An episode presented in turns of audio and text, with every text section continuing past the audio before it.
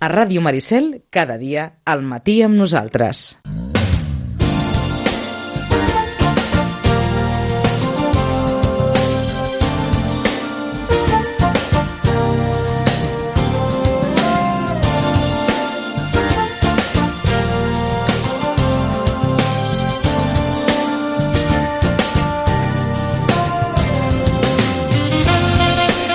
11 i 18 minuts del matí, són soles, bon dia, bona hora. Bon dia. Marta, bon dia, bona hora. Bon dia. Mira que em feia de calor, eh? Sí, jo recordo estius en gent amb la camisa suada fins a baix de tot i jo pensava no està millor que jo sé. per fer d'estudiar, eh? Per venir a buscar llibres, venir en a buscar- sortir cap problema, però seure... Sí, sí, feia molta calor. Feia molta calor, eh? Tant, tant estiu com hivern. Vinga, tot, a- tot, a- tot arribarà. Um, de moment, en l'agenda de la Roig i Reventós, doncs, totes les activitats que es poden encabir en una biblioteca com la Roig i Reventós i les que també cavalquen a l'edifici Miramar, que són habitualment els, els clubs de lectura. No pareu, Sonsoles. No parem, ens havíem proposat, com vaig dir fa unes setmanes, fer només les activitats adults els dimecres a la tarda, però ens van arribar amb propostes que no podem dir que no, i bueno, hem de trobar doncs, els dilluns, els dijous, els divendres, o sigui que això dels dimecres continua, però a part us La- anirem la in- informant. la intenció és la els intenció dimecres. era, pe, i és, i, i, I és. continuem fent-ho, però tenim tanta demanda que hem d'anar agafant altres dies de Demanda la setmana. sobretot de què? De conferències, De- de- presentacions de sí, llibres... de tot, presentacions de llibres, xerrades, conferències, tot una miqueta tenim, sí, sí. Doncs vinga, anem a fer un repàs i per tot, algunes de tot les ens que- va bé, o sigui que agafem, agafem tot el que... El que acaba de dir la Sonsoles. Sí. Que no saben dir que no. I això és, vaja, en un poble com Sitges és un, és un risc important, eh? És un risc important. Bé, en qualsevol cas, que la biblioteca és oberta Bueno, a totes aquelles persones. sí, tot, tot és parlar-ho, és evident, és evident. sí. Ho hem exagerat una mica, però en qualsevol cas sempre una bona predisposició Sí, per, perquè els espais de la biblioteca Sí. es puguin utilitzar Sí. per totes aquestes manifestacions d'àmbit cultural. Eh? Exacte. I per descomptat que des que la Biblioteca Roig i Reventós està soleta, Sí. l'activitat... L'activitat no para. Ja ho podeu veure al nostre blog, al nostre Facebook, Twitter, que potser a la setmana en tenim de dos a tres activitats. Per descomptat que sí. Sí, sí. Vinga, doncs I anem a repassar les que venen. Us comento les d'aquests propers 15 dies. Aquest dimecres, dia 9, com cada mes, tenim la xerrada de l'Helena Cejas.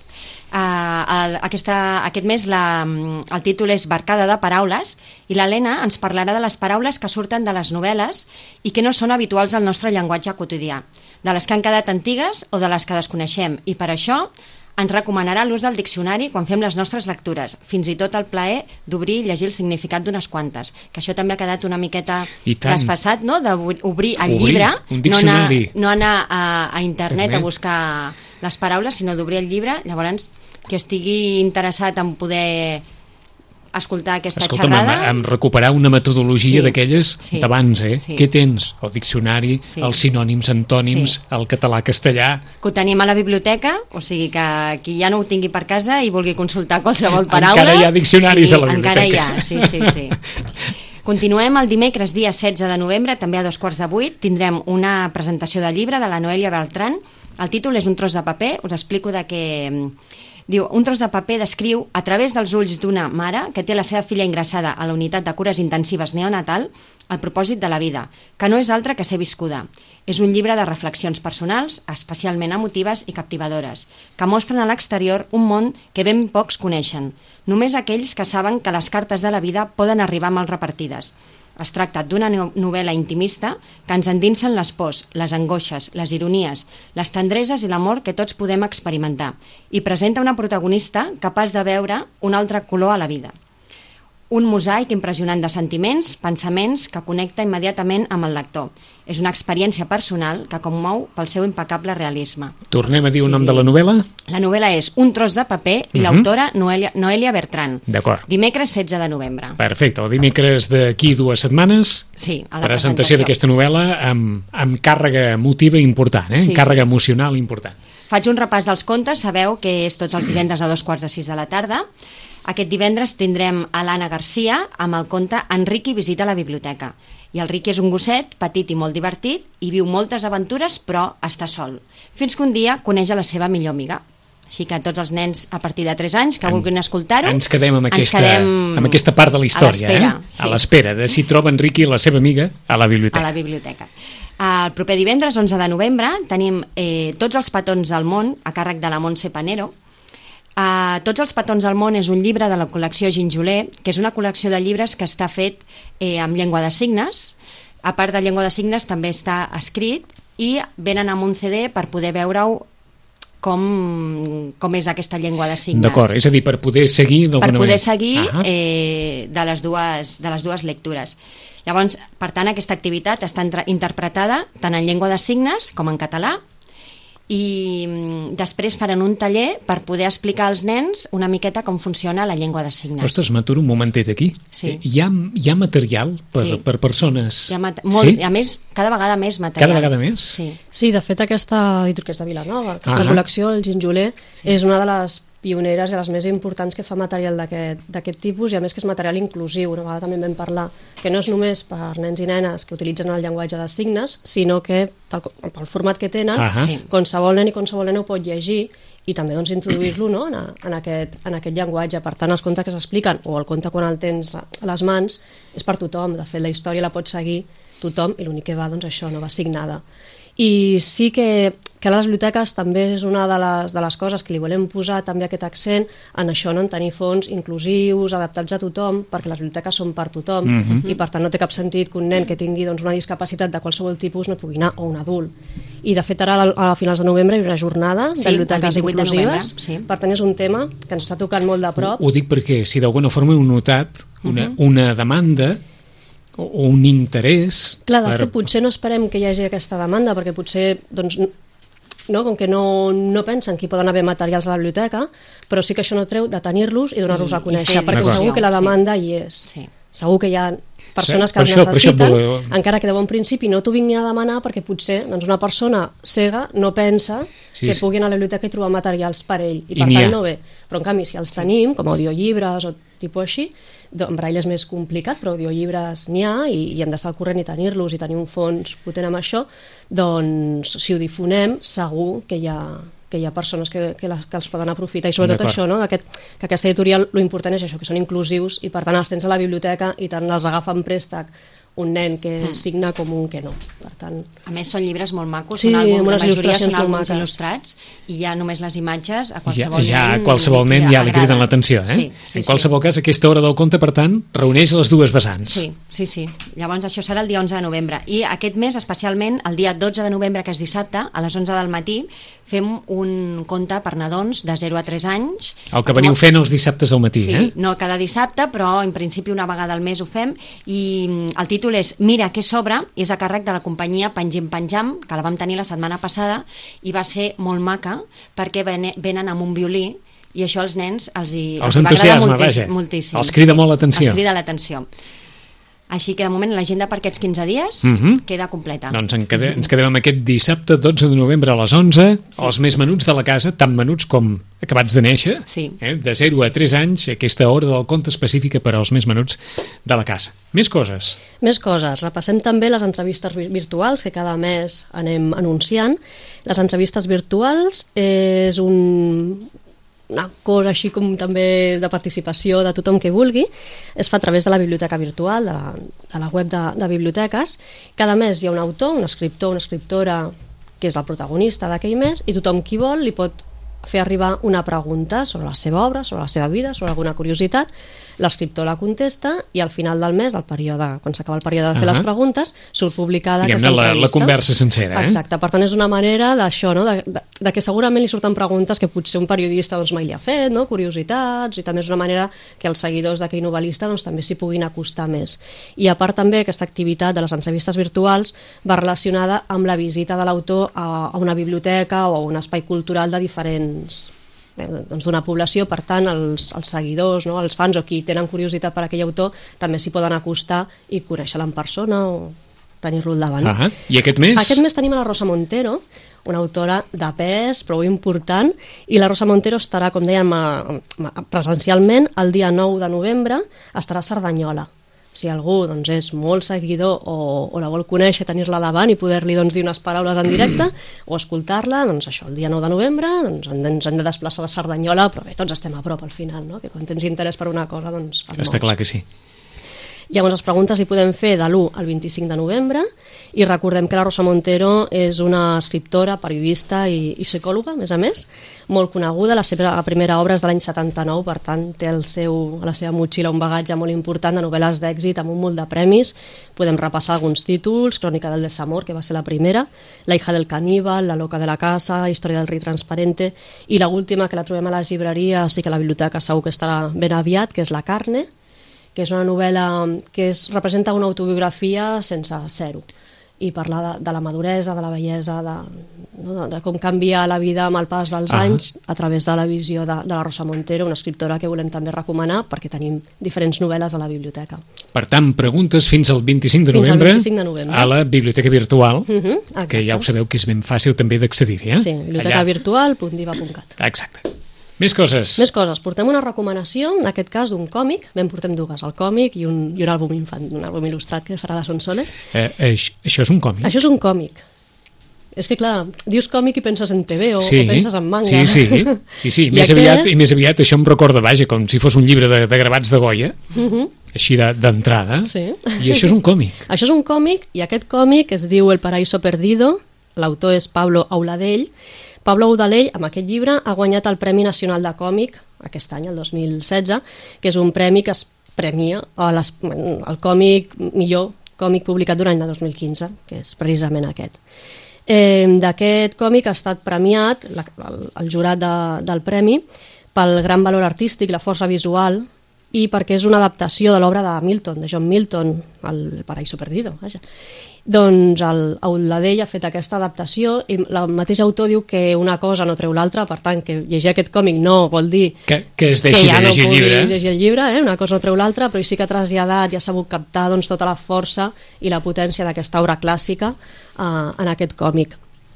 Eh, L'Audalell, el seu estil és, és dens, eh, ha utilitzat colors foscos, mira, l'obrim. Ja per començar, les guardes són de color Sí. negre, totalment, per tant ja entrem en un eh, món... És un llibre il·lustrat, eh, gairebé Sí. diríem, per, Sí, per, com sí, digui la sí. Marta, qui tingui al cap allò còmic en el sentit més tòpic del, del terme, res a veure amb No, no, la... són amb la... 300 i escaig pàgines, però quadernats amb tapadura, amb un format com En de format de novel·la, llibre, eh? com, sí, sí, sí. sí, com de novel·la. Doncs bé, com podem veure aquí els que estem, els dibuixos ocupen, tenim com quatre vinyetes per pàgina, i les imatges és això, no? Són com quasi com estàtues, mm -hmm. que ha donat aquest, aquest pes als personatges de Mhm. els Milton. recordarà, si algú vol fer una mica de memòria, té un, té un aire, un aire, eh? per, per, per ficar-nos allò en, en una imatge que més o menys ens, ens puguem identificar, als dibuixos de, i a l'obra de Miguel Condé. En, en, ens hi ha fet pensar de- d'aquella exposició al Miramar que en el seu dia Condé va fer, doncs té, té un aire a, a, a Condé per establir una, una línia, eh? no pas per establir cap, cap altra cosa que no sigui allò una, un, un, referent, un referent estètic, diguem-ne, molt proper a, a, nosaltres. I D'aquesta obra de l'original, il·lustrat. les, les il·lustracions eren de Gustave Doré, de William Blake. L'autor ha volgut oblidar, no? ha volgut doncs, prescindir d'aquesta referència i fer-ho molt a la seva manera. Llavors és això, no? aquestes figures que semblen com de marbre i, de fet, clar, és un, és un diàleg entre l'humà i el diví, per tant ha volgut doncs, trans, transmetre això. La història d'aquest llibre, a més a més, és curiosa perquè va ser un encàrrec que va rebre l'any 2010, no recordo malament, i ell va fer només un, el que és un capítol d'aquest llibre, Sí. doncs va sortir en una, una revista, va sortir només una part i allà va quedar, ja està. Al cap d'un temps va rebre l'encàrrec de recuperar la història i acabar-la, però va ser doncs això, no? cap d'un parell d'anys. Ha estat tres anys per fer És que- tota, la, tota aquesta, tota és aquesta que ens obra. adonem de la feinada quan, Clar. quan obrim el llibre. Sí, sí, eh? sí. I llavors ell es va plantejar de dir, clar, això ho vaig començar-ho fa dos anys i ara he evolucionat i faré les coses d'una manera diferent, però tampoc volia fer borrón i cuenta nueva, que es diu. Per tant, va deixar el que estava fet, aquell primer capítol, i va continuar l'obra. Clar, en tres anys això, ell ha evolucionat, Es pot veure el canvi. i llavors es pot veure el canvi. I a la introducció d'aquest llibre, ell ens diu que quan el va acabar, diu... Eh, solo ahora que he terminado de dibujarlo, me siento de veras preparado para comenzar a dibujar el paraíso perdido. Per tant, quan va acabar, va ser com dir he après molt i Ahà. ara, ara, Ara- estaria preparat com per començar-lo de nou i potser fer-lo millor, però de totes maneres podem veure, ell mateix no? es va veure com havia evolucionat i aquest premi doncs, ell ha fet com especial il·lusió pel fet de valorar la feina dels il·lustradors i dels historiatistes, de, de la gent del còmic, que és com un, com Sempre, un gènere de segones, sempre ha estat un oi? gènere. I en canvi és molt potent i és molt, molt, molt ric.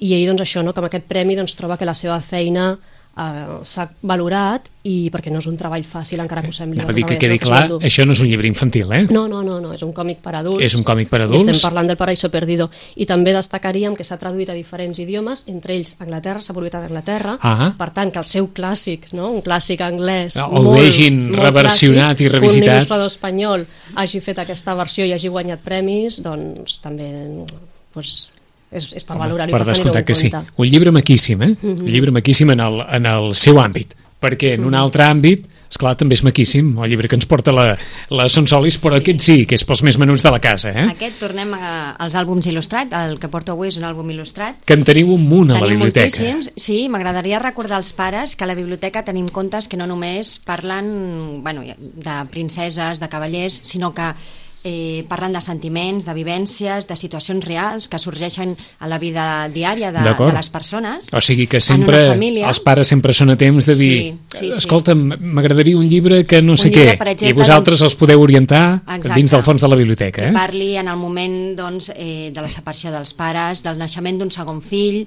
o fins i tot de treure el xumet o el bolquer al nen. Tot això hi ha contes... Eh, Hi ha contes per tot això, eh? Hi ha contes per tot això. Aleshores, el, els nens, al veure-ho amb imatges i explicat d'una manera per ells, ho entenen, ho entenen molt millor. O sigui que Per tant, recomanem- aquells pares que puguin dir, escolta'm, vivim això, o ens passa això, o Sí, teniu sí. algun llibre que més o menys ens pugui servir, n'hi ha, n'hi ha per tot. Segur que ho podem trobar. Segur que podem trobar.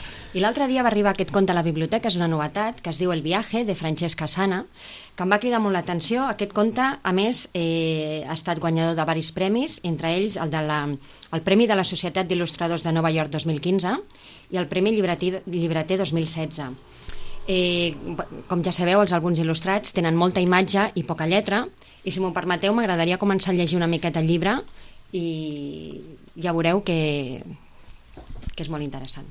Diu, la ciudad en la que mi familia y yo vivíamos no estaba muy lejos del mar, así que muchos fines de semana de verano nos escapábamos a la playa. Sin embargo, el año pasado nuestra vida cambió de repente. Entramos en guerra. Cada día el mundo que nos rodeaba nos sorprendía con una nueva desgracia, hasta que al final todo quedó sumido en el caos. Y uno de esos días la guerra se llevó a mi padre. A partir de entonces, todo se volvió más y más oscuro, y mi madre estaba cada día más y más preocupada. Poco después, una amiga de mi madre le contó que mucha gente se estaba marchando. Trataban de escapar a otro país, un país muy lejano, con unas montañas muy altas. ¿A dónde vamos? le preguntamos a nuestra madre. A un lugar seguro, nos respondió. ¿Y dónde está? volvimos a preguntar. Nos enseñó fotos de extrañas ciudades, de extraños bosques y de unos animales de lo más extraños. Y finalmente suspiró. Iremos a ese lugar y jamás volveremos a tener miedo. No queríamos irnos, pero mamá dijo que sería una gran aventura. De modo que metimos nuestras cosas en varias maletas y nos despedimos de todo lo que conocíamos. Nos marchamos en mitad de la noche para que no nos descubrieran y estuvimos viajando varios días. Cuanto más nos alejábamos, más cosas dejábamos atrás. Pero logramos llegar a la frontera.